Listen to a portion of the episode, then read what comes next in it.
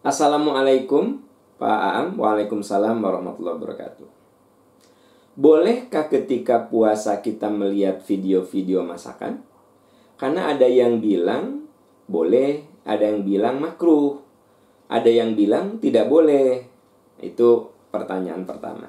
Boleh nggak sih lihat-lihat uh, video masakan? Pertanyaannya untuk apa? Kalau Anda melihat-lihat video masakan untuk mencontoh, ya, oh, cara bikin spaghetti itu begini, cara bikin sayur asem tuh begini, cara bikin pempek itu begini. Terus apanya yang salah dengan belajar memasak dari eh, YouTube, dari video? Nggak ada yang salah. Jadi sebenarnya kita susah untuk mengatakan itu makruh, bahkan mungkin ibadah. Ah, takut anak-anak bosen makan teh, dadar lagi, telur dadar lagi, telur dadar lagi. Nah, ibu cari di video Oh iya, aku mau bikin spaghetti.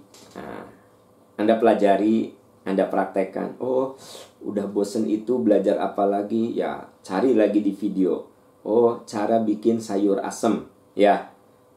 Terus apanya yang salah? Jadi sebenarnya menonton video masakan, menonton video makanan, tujuannya untuk belajar tidak ada masalah. Justru ibadah. Kenapa? Karena kita ingin menyenangkan orang-orang rumah dengan masakan yang variatif gitu.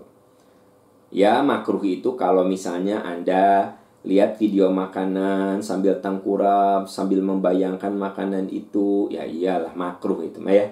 Terus untuk apa orang dewasa kayak begitu? Nah itu makan kerjaannya anak-anak. Saya yakinlah ibu melihat video masakan itu untuk ibu contoh ya Justru saya katakan itu ibadah. Karena kita disuruh untuk belajar dari mana pun. Dan di antara ciri wanita solehah apa? Membuat suaminya senang. Ya, senang dengan apa?